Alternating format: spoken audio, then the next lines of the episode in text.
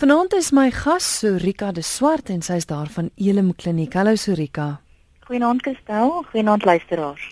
Ja, as luisteraar is natuurlik welkom om saam te gesels. 'n SMS kan gestuur word na 34024. Dis 34024. Elke SMS kos jou R1 of jy kan 'n e-pos stuur via ons webwerf. Dis rsg @rsg.co.za. Daar's 'n skakel wat sê stuur e-pos aan ateljee of jy kan ons skakel hier in die ateljee by 089 1104553. 089 1104553. Nou Rika, ons gesels vanaand oor die nuwe gesig van verslawing. Hoe lyk die nuwe gesig? Weet jy, ek dink as 'n mens die woord verslawing sê, dan kry mense 'n beeld van 'n ou wat iewers in 'n steegie staan en dwelms koop of verkoop of 'n tipiese beeld van iemand wat nou of dronk uit 'n eetplek uitstrompel en so aan. En dit dit is maar wat ons vir jare geglo het is dat jy net aan 'n middel verslaaf kan raak en dat dit ietsie sê oor 'n mens se morele uh verval. En ek dink daar was ook 'n gedagte dat weet ouer mense, tieners miskien tussen 16 en ouer tot en met bejaardes sal miskien verslaaf raak. En die ander ding wat ons altyd geglo het is dat weet as jy nou behandeling ontvang het iewers in 'n rehabilitasiesentrum, dan dan moet jy nou vir die res van jou lewe sober wees. Dit is die verwagting wat 'n mens gehad het. Maar dit dit lyk vandag baie baie anders. Ek dink een van die goed wat ons weet is mense kan aan gedrag of prosesse ook verslaaf raak. Dit is nie net meer aan middels soos alkohol, dwelms en en medisyne nie. Die aanvangsouderdom van verslawing het het verander kyk regtig na jonger en jonger mense kompulsiewe gedrag wat reeds op laerskool begin voorkom. En dan is dit interessant om te weet dat ehm um, daar's iets wat ons noem 'n uh, kruisverslawing waar mense van die een verslawing na die volgende een spring of verskeie verslawings op dieselfde tyd het. En wat ons ook intussen geleer het is dat regtig verslawing is 'n kroniese siekte toestand wat eintlik homself ehm um, baie maal geneig maak tot terugvalle. Ja. So dis dit dit is heeltemal 'n ander prentjie wat ons so baie jare gehad het oor verslawing. Nou ek weet ons het in 'n vorige program al daaroor gesels, maar jy sê nou mense kan in gedrag of in prosesse ook verslaaf wees. Vinnig net gou weer wat is dit? Wat is gedrags- en prosesverslawing? Ja, die nie, nie as jy kyk na 'n middel, ek net eers die die die kontras sê, as jy kyk na 'n middel, dan dink mense jy is verslaaf net aan die middel omdat dit 'n chemiese effek het. Maar ek dink ons almal was op 'n stadium vreeslik opgewonde. Jy kan jouself vreeslik opgewonde maak deur net te dink oor jou wonderlike vakansie wat verby is of een wat nog moet kom. So ons het nie vermoë om onsself ehm um, vir amper al sê eufories te maak deur deur bloot te dink oor goeders wat aangenaam is. Maar wat ons nou weet wat met met prosesverslawing of gedragverslawing gebeur is dat goeders wat hoogs stimulerend is, byvoorbeeld om inkopies te doen, om kompulsief te eet of te dobbel of pornografie te kyk. Goeders wat 'n geneigtheid het om mense te stimuleer, is meer verslawend as ander gedrag. En doeteenvoudig omdat wanneer jy daai spesifieke gedrag, daar's 'n daar's 'n lys van 200 goed, maar die die die goed wat ons die meeste man na kyk is kompulsiewe dobbel, kompulsiewe koop, uh, rekenaarspeletjies, seks en internetpornografie fiksheid liggaamsbou, kompulsiewe eet en en kompulsiewe werk. As jy van daai aktiwiteite aan deelneem, dan sneller dit en aktiveer 'n spesifieke deel van jou brein wat ons die die plesierbaan noem. So die spesifieke gedrag sneller mense plesierbaan in jou brein, verskillendes vir verskillende mense sneller. En dan is daar 'n geneigtheid dat dat dat chemiese goeders afgeskei word serotonien wat jou laat goed voel en dopamien en adrenalien en so aan. So dit is eintlik ook 'n chemiese iets wat in jou liggaam gebeur. Jy's nie nou verslaaf aan die pornografie noodwendig of aan die kos of aan die die die dobbelmasjien, maar jy raak afhanklik en gewoond aan die chemiese veranderings wat plaasvind wanneer jy hierdie gedrag najaag. Hmm. Ja, ek wil Ja, skies ja. Ja, skies nie. So ek ek wil net al sê wat ons wat ons weet is dat tegnologie het die prentjie natuurlik baie verander want mm, mm. voorheen as jy 'n uh, dwelm wou koop dan moes jy iewers heen ry en as jy wou as jy koopverslaaf was dan moes jy iewers heen ry en as jy dubbelverslaaf was moes jy iewers heen ry as jy prostituut wou gaan sien moes jy iewers heen ry terwyl met tegnologie is daar nou soveel dinge wat net um, nie ontstaan en en, en soveel verslawings wat in stand gehou word deur doeteenvoudig toegang tot die internet te hê. Mm. Jy hoef amper nie jou huis te verlaat weet om om uiting te gee van jou verslawings nie. En nou die aard van die saak kan mens aan meer as een van hierdie gedragsgoed. Ek dink jy het genoem ook kan mens aan meer as een gelyk verslaaf wees. Verseker, verstel in inteendeel, dit begin vir ons lyk like asof mense wat 'n geneigtheid het tot verslawing meer gereeld as nie, uh, meer as een iets het waarna hulle verslaaf is. Nou Patrick Kahn is 'n man wat 30, 40 jaar gelede begin skryf het oor seksuele verslawing en hy het 'n 'n konsep wat hy noem addiction interaction disorder wat daarop neerkom dat 'n persoon verskillende kompulsiewe tipe gedrag het en dat hierdie tipe gedrag mekaar sal aanblaas. En en ons sien dit. Ons wil sien dat iemand wat dobbel baie maal ook alkohol misbruik, want die konteks is daar dat in die dobbelhuis sit jy met jou mm. sigaret en jou alkohol. Mm. Alkohol en medikasie gaan saam. Dwelms en alkohol gaan saam. Wat ons baie maal vind is dat seks, pornografie en stimulante dwelms saamgaan. Kos en koopverslawing word word graag saam gesien. En dan die een wat ons deesdae regtig begin sien is uh, dat seksuele um, uitreageer gedrag en tegnologie verslawing op 'n manier by mekaar uitgekom het. Soveel sodat daar woord daarvoor is. Ons noem dit sexnology. Ja, vertel my 'n bietjie wat is dit? Dis dis nou amper 'n nuwe tema vir 'n nuwe dag, maar in kort basies is sexnology is die verskynsel waar mense meer en meer van digitale media en tegnologie gebruik maak om om hulle seksuele behoeftes te bevredig.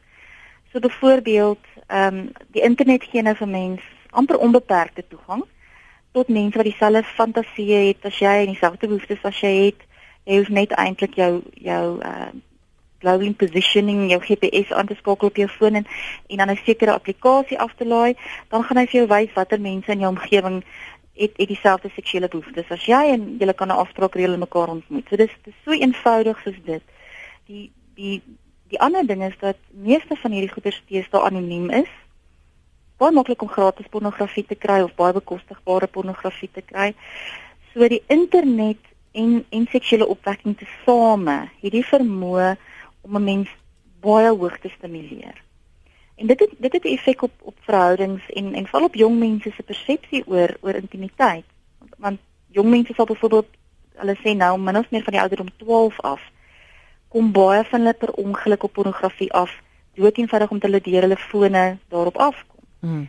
Dan sal verskynsels wat hulle noem sexting, ehm um, waar mense mekaar seksuele belaaide boodskappe en foto's stuur en jy weet volwassenes doen wat volwassenes doen maar jong mense verstaan nie byvoorbeeld dat as ek nou 'n foto stuur van myself half kaal en ek en my kerel maak volgende week uit en hy gee dit vir sy vriend en dit kan die hele skool vol hê nie. So ek dink nie hulle hulle besef die gevare van impulsiewe um, gedrag soos dit nie. En ja. en seksuologie het ook 'n effek op hoe ons na verhoudings kyk. Mm. Wanneer is mens nou ontrou? As jy ontrou as jy aanlyn bietjie flirt met iemand wat 'n skoolkeis was of as jy ontrou as jy eh, virtuele seks het of kiberseks het met iemand in 'n ander land. So dit verander totaal en al hoe mense nou na verhoudings begin kyk. Ek gesels met Sorika de Swart, sy's van Elim Kliniek, sy's verslawingskonsultant daar en ons gesels oor die nuwe gesig van verslawing. Nou Sorika, ek is seker baie mense sit en dink nou Ja, 'n familielid van my sit heeldag voor die rekenaar. Hoe weet mens as jy 'n internetverslawing het? Wat wat is die tekens? Ja. Ehm um, ek dink internetverslawing, dit ek ek moet of net eers sê dat die internet die pro, nie die probleem is. Mm. Internet of die tegnologie is nie die probleem nie. Dit gaan oor 'n ongebalanseerde gebruik daarvan of ehm um, obsessiewe kompulsiewe tipe van gebruik. En verslawing is altyd iets wat gemeet word op op ten minste 3 maniere. Daar moet 'n verlies aan beheer wees. Daar moet negatiewe gevolge wees en 'n mens moet hierdie gedrag probeer stop en nie kan nie. So weet as jy nou net dit geniet om vir ure voor die, die televisie te sit of voor jou rekenaar te sit, dan maak dit jou nog nie verslaafde nie. Maar as jy kyk na goed soos jy verloor tred met tyd. So jy gebruik jy, jy spandeer baie meer tyd op die internet as wat jy beplan het. Jy kom nie by jou daaglikse take uit nie. Jy begin sukkel met met konsentrasie. Jou sosiale lewe bestort in dae want jy het meer Facebook vriende sosiale media vriende as wat jy in die regte lewe het. Mense sal byvoorbeeld aanlyn, uh, wat net net gesê die internet fasiliteer en blaas ongelukkig baie ander verslawings ook aan. So pornografie, dobbel en aanlyn koop is alles goeders waar baie geld en tyd spandeer word. En dan natuurlik is daar jou produktiwiteit by die huis en en by die werk en by die skool word benadeel en mense het baie maal ook fisieke simptome. Goed so skarpane karpale tunnelsindroom, rugpyn, stywe spiere, gewigstoename, slapeloosheid en die grootste een wat ons eintlik sien by internetverslawing is is ernstige depressie. Mense raak regtig baie depressief as hulle verslaaf raak aan die internet. Hmm. Ja, die aard van die saak ek neem aan deur dit wat jy nou genoem het is is genoeg rede om te bewys dat dit wel nadelig is vir 'n mens as jy aan die internet verslaaf is. Verseker en ek dink onthou nou hoe meer dinge mense aan verslaaf is hoe hoe meer kompleks want dit praat van daai addiction interaction disorder met ander woorde as jy nou seksuele verslawing het en jy het 'n internetverslawing tesame bied dit vir jou 'n uh, 'n um, 'n mate van euforie wat wat gaan maak dat jy wil teruggaan na die spesifieke aktiwiteit toe. So maar maar verslawing moet dit daar moet 'n verlies van beheer wees, daar moet negatiewe gevolge wees. 'n Persoon moet kan sê maar weet jy almal almal wil hê ek moet ophou en ek kan nie. Ek wil ek wil self probeer ophou maar ek kan nie. Mm. So as daar 'n kriteria om te sê dis 'n verslawing. So hoe behandel mens dit? Kan mens na na ek bedoel by julle aanklop vir hulp. Is daar plekke waar jy mens kan gaan? Daar's daar is plekke. Ehm um, ek dink van die laaste 3 jaar het daar meer en meer rehabilitasiesentrums en selfs psigiatriese eenhede het begin bewus raak van die tendens dat mense aan gedrag kan verslaaf raak. So nie elke persoon wat verslaaf is aan 'n aan 'n gedrag het noodwendig nodig om iewers opgeneem te word nie. Dit dit word bietjie anders behandel as middelverslawing in die sin dat die einddoel is nie om nooit ooit ooit weer te eet of op die internet te speel of intiem te wees of of inkopies te doen nie weet die gedrag kan nie totaal en al uit jou lewe uitgehaal word nie want baie maal is daai gedrag as dit gebalanseerd is eintlik 'n uh, belangrike deel van 'n mens se normale lewe. Mm. So die gedagte is meer dat 'n mens probeer identifiseer watter gedrag laat jou beheer verloor, watter gedrag kry jou in die moeilikheid en dat mens 'n meer gebalanseerde najaag van hierdie gedrag het. So daar's verskillende goeders wat 'n mens kan doen. Ek dink baie maal is dit is dit belangrik om net by 'n terapeut uit te kom want groot rede vir verslawing is dat daar onderliggende goed is soos depressie en angs en 'n onvermoë om om verhoudings met mense aan te gaan wat kan wat blywend is. Uh soms is dit wat ons noem dual diagnosis, meervoudige diagnose wat beteken eintlik het ek depressie en ek weet nie hoe om dit te dokter nie want ek kom nie by 'n by 'n psigiater uit nie so nou gebruik ek een of ander gedrag om my aandag af te lei. Mm. So soms het mens medikasie nodig om die aanvanklike probleem op te los. En dan is daar dus verskeie ondersteuningsgroepe waar mens kan inskakel. Daar's regtig ondersteuningsgroepe al vir vir digitale verslawing, vir seksverslawing, vir dubbelverslawing. Vir elkeen van daai tipe verslawings is daar reeds ondersteuningsgroepe in ons land. En dan veral met met seksverslawing en internetverslawing is is daar sagte woordprogramme wat mens kan gebruik wat jou wat sekere goeders kan blok um, en kan filter en vir mense wat 'n stukkie aan die einde van die maand van hom jy weet wat het jou man en wat het jou kind nou nog gekyk en um, dood eenvoudig om filters op te sit sodat jou kind nie miskien per ongeluk op goed afkom wat wat nie ouderdoms gepas is nie. Hmm. Ja, luister na Geestesgesondheid. My gas is Sorika de Swart van Elim Kliniek. Ons gesels oor die nuwe gesig van verslawing. Jy is welkom om jou vrae te stuur na 34024. Dit kos jou R1. Een van ons luisteraars het wel so gemaak. Hy sê dit is Clive November van die Parel. My vraag is of daar 'n middel vir kroniese verslawing is en kan so 'n persoon se gedrag behandel word. Baie dankie. Ja, Clive, dankie vir daai vraag. Ek dink die die die antwoord is 'n bietjie meer kompleks. Daar is sekere medikasies wat 'n mens kan gebruik vir sekere tipe dwelm en alkoholverslawings en medikasieverslawings byvoorbeeld. So as mens kyk na enige verslawing wat te doen het met opiate. Dit sluit nou in kodeïne, heroïne, daai tipe van verslawings. Dan is daar middels wat mens kan gebruik om die persoon te help om baie stelselmatig van sy verslawende middel af af te kom. Ons ons verwys daarna as maintenance treatment en dit beteken jy vervang eintlik die een middel met 'n ander middel wat minder skadelik is en wat geleidelik dan weet al hoe minder gemaak kan word. Maar dit kry mens net ongelukkig op die stadium kry mens dit net vir middels wat met opiate verbind is.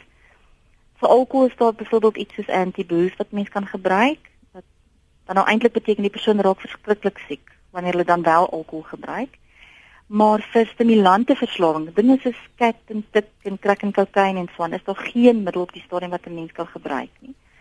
So wanneer ons mense wil ehm um, ek ek weet die woord is ontgiftiging, ehm um, wat wat eintlik mense sê wat wat die proses is as jy iemand uitdroog van sy middel af, is jy en die gif uit die lyf uit kry en dan gaan hulle deur baie onaangename onttrekkingssimptome. en dit word hoofsaaklik simptomaties behandel. So daar's nie 'n daar's nie 'n pil of 'n medikasie wat verslawing kan genees nie. Daar's wel medikasie wat vir mense kan help om die onttrekkingssimptome beter te hanteer en daar's medikasies wat kan help om onderliggende goed soos angs en depressie aan te spreek. Hmm. Maar ons daar is nie 'n genesing vir verslawing nie. Dit is 'n kroniese langtermyn siekte wat bestuur moet word. Nog 'n SMS wat sê my broer in sy laat 40's het vir die soveelste keer van die bus afgeval. Hy het alles verloor en hy wil niks met my te doen hê nie. Ek het nog altyd hom probeer motiveer met liefde. Maar hy is nou ongevoelig en hy skryf almal naby hom af. Wat staan my te doen? Moet ek aanhou uitreik want dit voel vir my nutteloos. Hy gebruik alles en nog wat, vermoed ek. Hmm. Dis dis 'n dis 'n hartseer boodskap nê nee. en dis ongelukkig nie ongewoon nie. Soos ek soos ek vroeër gesê het, verslawing is kroniese breinsiekte en 'n uh, eh, persoon gaan waarskynlik regtig sukkel om op sy eie op te hou. Wat ons ook nou weet uit baie jare se navorsing uit is jou jou verslaafdes kan jy omtrent in drie groepe deel. Een groep van hulle het een behandeling nodig. Omtrent dis dis interessant genoeg, maar dis omtrent 'n derde het net een behandeling nodig en dan is hulle sober vir die res van hulle lewe. Die tweede groep het tussen 2 en 4 behandelings nodig. En dan kan hulle sober wees vir die res van hulle lewe. En die derde groep almal omtrent min of meer 'n derde het, het wat ons noem pasiënte wat altyd weer sal terugkom revolving door pasiënte met ander woorde hulle gaan altyd weer terugval wat mens daar doen is om te probeer kyk om die terugvalle al hoe verder uitmekaar uit te kry en in die tye wat die persoon sober is dan optimaal funksionering te hê. So mens moet kyk na wie die individu, waarom die persoon terugval want daar's goeders wat maak dat 'n mens nie so maklik terugval nie. Daar's sekere buffers, soos as jy werk het om na toe terug te gaan as geestesgesondheidsprobleme aangespreek is, as trauma hanteer is, as 'n mens ondersteuningsstelsel het, as jy nasorg bywoon. Baie mense gaan rehabilitasiesentrum toe vir 3 weke na 5 weke en dan dink hulle dis genoeg. Nou as ek genees en hulle gaan nie vir verdere nasorgbehandeling nie. En en dit is mense wat terugval ongelukkig. Hmm. So die die kort antwoord is waarskynlik ek dink wees lief vir hom maar moenie vir hom verantwoordelikheid neem nie. Dit dit bly sy verantwoordelikheid om soberheid na te jaag. So wanneer hy vir hulp vra, wees asseblief daar vir hom en verwys hom na professionele dienste toe. Maar ehm um, mens mens kan nie vir 'n verslaafde solank as wat hulle nog in ontkenning is, gaan jy hulle nie kry om op te hou gebruik nie. Koos van Pretoria sê per SMS Um iemand het lank terug geskryf terwyl ons dan slawe van gewoontes is, laat ons slawe van goeie gewoontes wees. Is dit so eenvoudig om goeie gewoontes aan te kweek? Kyk, ek dink verslawing is baie meer as net 'n gewoonte. Ons het almal slegte gewoontes. En as mens daai slegte gewoontes sou kon afleer en goeie gewoontes in hulle plek sit, dan weet jy dan is dit wonderlik, maar verslawing moet ons onthou is ook 'n siekte toestand. So daar's werklike veranderings, die brein word herbedraad. Mm. So jy kan nie net een oggend opstaan en sê ek kies nou om op te hou weet hierdie middel gebruik of hierdie gedrag najaag nie. Daar ek dink daar's 'n persentasie van 4% mense wat daai laaste sigaret net kan neersit en nie weer aan hom vat nie. Nou maak ek klaar met die alkohol en ek vat nie weer daarin nie. Die ander 96% het behandeling nodig. En en dan is daai behandeling, dis belangrik dat daai behandeling amper sê professionele behandeling is en holistiese behandeling is want mens moet kyk na die fisiese effek van die verslawing, die biologiese goeters, emosionele goed, sosiale impak daarvan. Mens moet kyk na die weet na die occupational met ander woorde werk en skool en dan is dit baie belangrik om te kyk na die sielkundige goeders. Hmm. En soos by Elim Kliniek byvoorbeeld ons ook 'n element om van kyk na die na die spirituele element van van verslawing maak soveel skade op soveel vlakke. So 'n persoon het waarskynlik 'n holistiese behandeling nodig as hy regtig wil sober bly en nie net na 'n nuwe middel toe skuif byvoorbeeld. Mm, mm. Ons gaan nou kyk na wat julle daar by Elim Kliniek doen. Vinnig net gou, jy het een of twee van die wenke genoem wat wat ouers byvoorbeeld kan doen om hulle kinders te beskerm teen gevare op die internet of of wat mens kan doen as jy as jy bietjie bekommerd is en dink, "Joh, ek ek het 'n probleem. Ek ek kan nie ophou nie. Ek wil graag, maar kan nie." Is daar wenke, praktiese wenke van wat luisteraars kan doen? Ja, ek dink daar's daar's 'n hele klomp selfhelp goeders wat mens kan doen en ek dink mens moet dit probeer voordat jy uitreik vir hulp want dit is dis soms heeltemal binne jou bereik. En en van die eenvoudige goeders is om om 'n sosiale ondersteuningsstelsel te bou. So wat ook al die gedrag of die middel is wat jy najaag, as jy ondersteuning het van mense wat wat nie verslaaf is nie, dan beteken dit jy word noodwendig betrokke by ander aktiwiteite. So om om 'n sosiale ondersteuningsstelsel te hê is belangrik en die vorige luisteraar het gepraat van haar broer wat onttrek, wat almal van hom af wegdruk. En dit is ongelukkig die geval dat wanneer 'n mens verslaaf raak, dan begin jy jouself isoleer. So om om in die eerste plek verslawing te probeer voorkom, is dit belangrik om om teenstelsels te hê. En ek dink 'n mens kan jou jou tyd aanlyn kan jy monitor. Dis dis baie maal goed vir myself om te sê ek kan tussen 8 en 9 vanaand kan ek op Facebook wees. 10 voor 9 gaan 'n alarm af en dit beteken ek moet klaarmaak waarmee ek besig is. Anders sal ek môreoggend dalk by die werk uitkom nie want ek is doodmoeg. Hmm. Jy moet vir jouself tydbeperkings stel. Ek dink jy moet vir jou kind ouderdomsbeperkings stel. En ehm um, die ander ding is ek dink as mens regtig bekommerd is oor jou gebruik van kom ons sê dan nou maar die internet of spesifieke gedrag, iewers moet jy iemand in jou vertroue neem ons ons verwys daarna ek gebruik Engelse woorde want want die faktaal is ongelukkig Engels maar ons verwys daarna as die accountability partner. Met ander woorde iemand vir wie jy kan sê ek sukkel nou of ek het ehm, 'n um, terugval beleef of ek ek sukkel nou so om weg te bly van die spesifieke gedrag of middel af. En dit hoef nie noodwendig 'n professionele persoon te wees vir 'n begin nie. Maar as die selfhelp goed nie werk nie dan dan dink ek moet 'n mens uitreik na professionele hulp. Mm. en en vir jou kind dink ek waarskynlik die belangrikste ding is is om betrokke te wees by jou kind. As ons tyd met hulle spandeer met hulle oogkontak maak, dan gaan ons agterkom as iets begin verander want 'n verslawing is nie 'n ding wat oornag gebeur nie en en mense mens gaan klein veranderinge begin sien by jou kind. En daar's 'n paar goed wat mens kan doen. Ek ek dink nie 'n kind moet regtig 'n rekenaar in sy kamer hê wat wat kan konnekteer aan die internet nie want dan is dit baie maklik om dwars deur die nag te speel of op pornografie af te kom. So die rekenaar moet maar op 'n plek wees waar die kind moet weet enige iemand kan instap enige tyd. Ja. En uh, ek dink ons moet 'n voorbeeld stel met ons gebruik. Ek dink baie van ons is baie skuldig in terme van kompulsiewe gebruik van onder andere digitale goeder. Weet ons sit altyd met ons selfone. So dit gee ook vir vir mense kind 'n idee van hoe dit hoe dit maar mag lyk. En dan het ek gesê daar's baie sagte ware wat gebruik kan word om jou kind te beskerm. Ek dink byvoorbeeld aan een wat ons self gebruik is net nanny. So dit gee vir jou in eerste plek baie advies oor hoe om jou kind ehm um, toe te rus oor die gevare van die internet.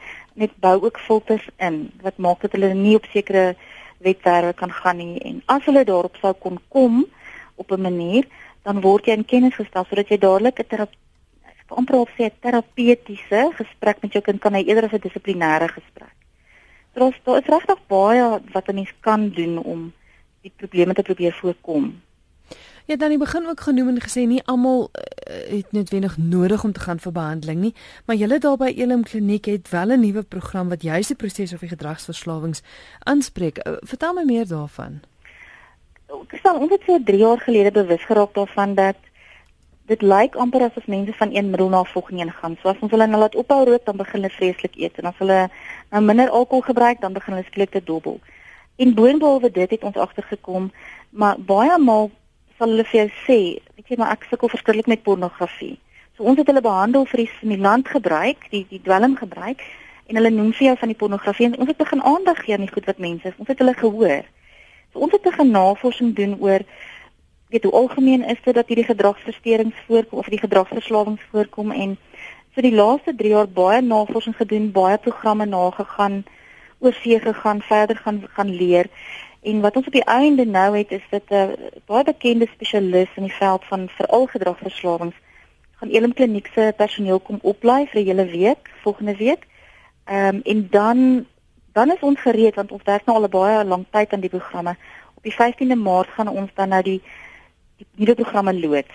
So wat ons dan gaan behandel boonbehalwe alkohol, dwelms en medikasie is ons ons dubbelprogram loop al baie lank, maar ons gaan dan ook begin van April af om seksuele verslawing, pornografie verslawing en digitale verslawing te behandel. Mm. Ons dink aan aan verdere, weet ons dink daaraan om in die jare wat kom uit te brei na kosverslawing, koopverslawing en daai tipe van goeders, maar dis nogal daar's was aanpassings wat 'n mens moet maak binne in jou sentrum jou personeel moet anders opgelei word. Daar's 'n klomp goed wat in plek moet wees voordat mens so 'n program kan loods. Ja, want gebeur dit dikwels dat rehabilitasiesentrums alsoos van tred hou met die verandering. Want soos jy sê daar's nou 'n klomp dinge wat in plek moet wees en mense moet opgelei ja. word. Gebeur dit dat ouens te doen of gaan hulle maar net aan en kyk na die tradisionele tipe verslawings? Ek dink daar's daar's 'n kombinasie van beide. Ek dink mense het baie rehabilitasiesentrums wat wat steeds net fokus op op die middel wat wat 'n persoon gebruik en dan is daar eenhede wat ons noem deal diagnosis units. Uh en Elim Kliniek is besig met daardie registrasie wat kyk met ander woorde na jou geestesgesondheid, die onderliggende geestesgesondheidsgoeters en hoe dit die verslawing ehm um, beïnvloed. Met ander woorde jy kyk na die twee goed, geestesgesondheid en verslawing. En dan is daar daar's 'n hele paar klinieke al wat besig is om te werk aan programme. En um, party mense neem al mense wat verslaaf is aan pornografie of seksverslawing of wat ook al.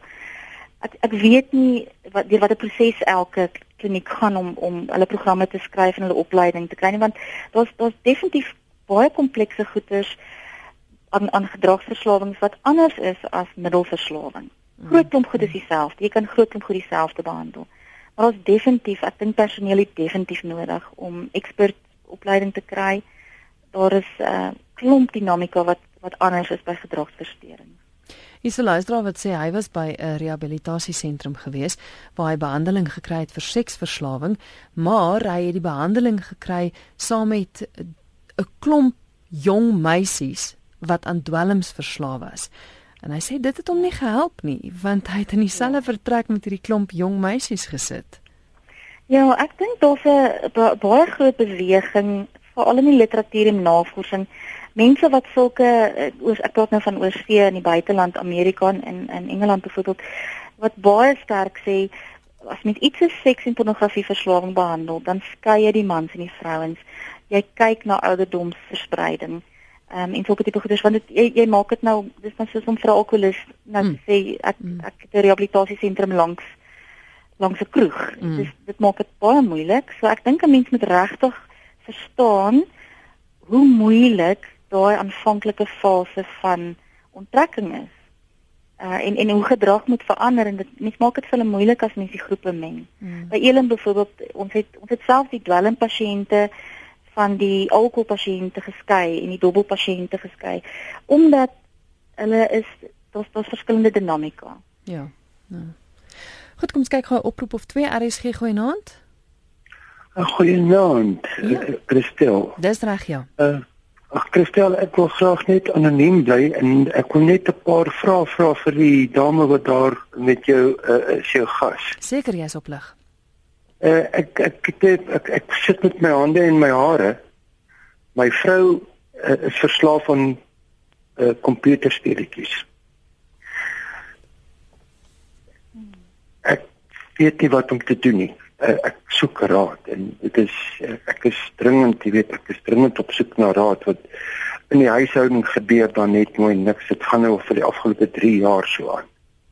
Goed, Surika, het jy enige vrae vir die luisteraar of kan hy luister by die radio? Ah, ja, kan en dan het ek nog 'n vraag. Goed, seker. Hm, ja. Ehm um, ek wil net weet as as dit 'n dalk jy weet 'n oorerflike of 'n familieprobleem is dat jy weet sy ehm um, sy weggaan van die huis af. Uh, uh, baie kere, jy weet, party 3, 4 dae sy weg van die huis af gaan kuier, kuier sy by kinders en dan kom sy terug en dan klim sy in die kar en dan sit sy by die komputer. Sy het geen belange meer in die huis nie. Dat alles gaan net weet agteruit. Ek ek kan nie meer nie. Goed. Ek kan nie meer nie. Anoniem gaan jy luister by die radio. Ek gaan baie Goed, dankie. Baie dankie vir die bel, hoor. Ja, goed, totsiens. Sorika. Ja, ek ek dink wat anoniem beskryf is is 'n is 'n situasie wat buite beheer voel en en buite beheer klink. Ehm um, uit die afsinsaak kan ek nie sonder om sy vrou te assesseer sê sy's verslaaf nie, maar uit dit wat hy rapporteer wil ek amper sê een van die eerste goed wat mense na moet kyk is dat daar moet 'n deeglike assessering wees en wat baie maal gebeur is 'n persoon sê ek gaan nie enige iemand sien nie. So so anoniem kan dalk nou vir haar sê kom ek wil jou net iewers heen vat dat ons assessering laat doen en sy gaan dalk weier. So wat wat gewoonlik werk vir iemand wat in ontkenning is oor hulle eie gedrag is iets wat ons noem 'n intervensie waar mens uh, dis 'n baie spesifieke gestruktureerde gesprek wat jy het met die met die persoon wat jy dink verslaaf is. Dit kan byvoorbeeld anoniem wees en en in 'n werkgewer, 'n beste vriendin en miskien van die kinders waar 'n mens baie spesifieke persoon met spesifieke gedrag konfronteer. En waar mens op die einde met 'n ultimatum na vore kom wat wat mens dan moet bereid wees om om deur te voer. So wat ek wil dis dis moeilik om om weet oor die telefoon te verduidelik hoe die proses werk. Mens mens het dalk maar 'n hele hele gesprek daaroor nodig. Maar wat ek vir hom wil aanmoedig is om my te kontak in die oggend dat ek vir hom inligting kan stuur oor hoe mens so intervensie hou want dit is iets wat familie self kan doen. Hmm. En die, die doel daarvan is om deur die persoon se ontkenning te breek. Jy deur die ontkenning gebreek het, is hulle baie maal bereid om ten minste vir assessering te gaan by 'n professionele persoon. En dan sal die professionele persoon uh, iets gebruik wat ons noem motivational interviewing wat gaan daaroor dat mens hulle gemotiveer kry vir behandeling. En dan kan mens 'n persoon as 'n buitepasiënt of 'n binnepasiënt behandel. So ek ek wil net vir hom sê daar is hoop, daar is verseker hoop, maar op 'n manier gaan daar deur die ontkenning gebreek. Goed, anoniem asseblief sorg dat jy 'n pen en papier gereed het. Ons gaan aan die einde van die gesprek gaan ons wel Sorika se kontak besonderhede gee. Daar is hulp. Asseblief sorg dat jy daai nommer neerskryf. Ons kyk gou RSG goeienaand. Haai goeienaand. Ja. Ehm um, ek sit en luister hier na julle program. Dit is baie interessant. En ek wil net graag iets weet. Die langdurige gebruik van verdoowingsmiddels soos roks en so aan ek en krak kokain en want ons uh, ondervind so 'n probleem. Mhm. Mm ehm um, kan daar 'n 'n gesplete persoonlikheid ehm um, ontaard in so 'n persoon wat hierdie goed so lank duur gebruik of enige ander ehm um, persoonlikheidsveranderings? Goed, baie goeie vraag. Gaan julle luister by die radio? Ja, ons gaan luister by die radio. Baie dankie, Christa. Dankie, totsiens. Totsiens. Ja, Kristal, ek dink ehm um, daar's twee goeie wat belangrik is hier. Die eerste ding is dat die oomblik wat mense chemiese middel gebruik en en al die middels wat die luisteraar na verwys is stimulante, dan gaan dit 'n spesifieke effek op die sentrale senuweestelsel hê.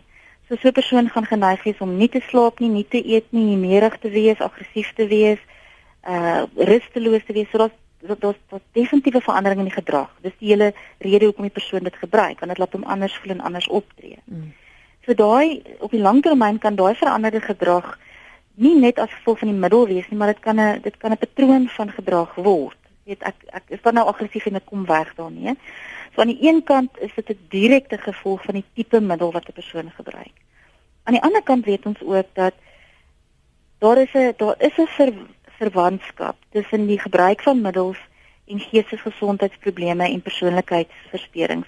Met ander woorde, iemand wat ly reeds aan 'n persoonlikheidsversteuring of reeds ly aan iets soos kom ons sê nou maar byvoorbeeld bipolêre versteuring of skizofrenie, sal baie maal nie die regte hulp gekry het nie of dit wel aanvaar het nie en dan probeer hulle self amper dokter met dwelmmiddels. Hmm. Tipiese voorbeeld is iemand wat aan aandagtekort hiperaktiwiteitsversteuring sal ly wat ek kan nie fokus nie en iewers ter jy kry hy dan nou nie die regte behandeling nie en dan begin hulle self met stimulante te dokter want kom hulle agter maar as ek nou kat gebruik dan kan ek skielik fokus en ek is wakker en ek is weet ek ek kan baie beter funksioneer. So mens weet nie altyd wat kom eers nie. Kom is dit eers die persoonlikheid, is dit eers die die middel of is dit eers die geestesgesondheid? So waarna mense op die ou ende kyk is wat wat is nou voor jou? Nou ek ek ek wil amper vir die leser sê, ag vir die luisteraar sê, kyk ons verwys nie regtig na gesplete persoonlikheid nie, maar ek verstaan presies wat hy bedoel in die sin dat hierdie persoon is net nie meer die persoon wat jy geken het nie. Want die oomblik wat mens middels gebruik, dan ontwikkel jy amper 'n persoonlikheid hier langs jou, nie 'n persoonlikheid nie, maar 'n ego staat hier langs jou. En daai ego staat het 'n ander stel waardes. Jy weet jy jy sal lieg en bedrieg en jy sal jy sal steel en jy sal skade doen omdat die die behoefte aan die middel net so oorweldigend is. Die goeie nuus is as 'n persoon sober is, dan sien jy weer hoe baie van die gedrag verander. So uh, dit is definitief moontlik dat dit gevolge kan hê op die persoonlikheid of op die geestesgesondheid. Dit is nie noodwendig permanente gevolge nie. Goed, dis goeie nuus. Vir die luisteraars, ek dink miskien moet hulle jou dalk ook kontak en ehm um, hoor waar hulle hulp want dit klink vir my asof dit iemand in hulle familie is of so wat miskien dalk daai probleme het. So daar is baie welkom. Okay, baie welkom. Wonderlik. Ons het aan die einde gekom van ons program. Dit is my baie belangrik dat ons vanaand die telefoonnommer gee dat mense by julle kan uitkom. Sorika, waar kontak hulle julle? Ek gaan vir julle die telefoonnommer en ons webwerf gee. Ons telefoonnommer is 011 975 2951 en dan kan mense ook op die webwerf gaan. Daar's baie inligting oor al die tipe van verslawings onder jy weet in ons nuusbriewe en, en pamflette. Maar hulle kan ook van daar af vir ons 'n e-mail stuur, vir e-pos stuur. Ons webadres is www.elimklin.co.za. Goed. En dan kan hulle net vra vir Surika en, en iemand sal hulle deurskakel na my toe. Wonderlik. Surika, baie dankie vir die gesels, hoor. Groot plesier. Dankie Christel. Dit is Rika de Swart met wie ek gesels het. Sy is verslawingskonsultant daar by Elim Kliniek. Hulle is in Johannesburg en nommer, ek kan hom weer gee, ek kan hom mooi stadig lees.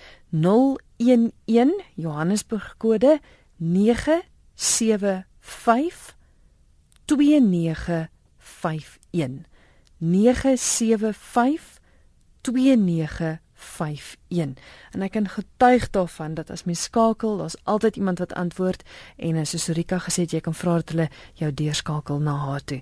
Hulle e-posadres waarop daar baie inligting is www.elim, dis E L I M klin die Engelse kliniek C L I N. So dis elimklin.co.za.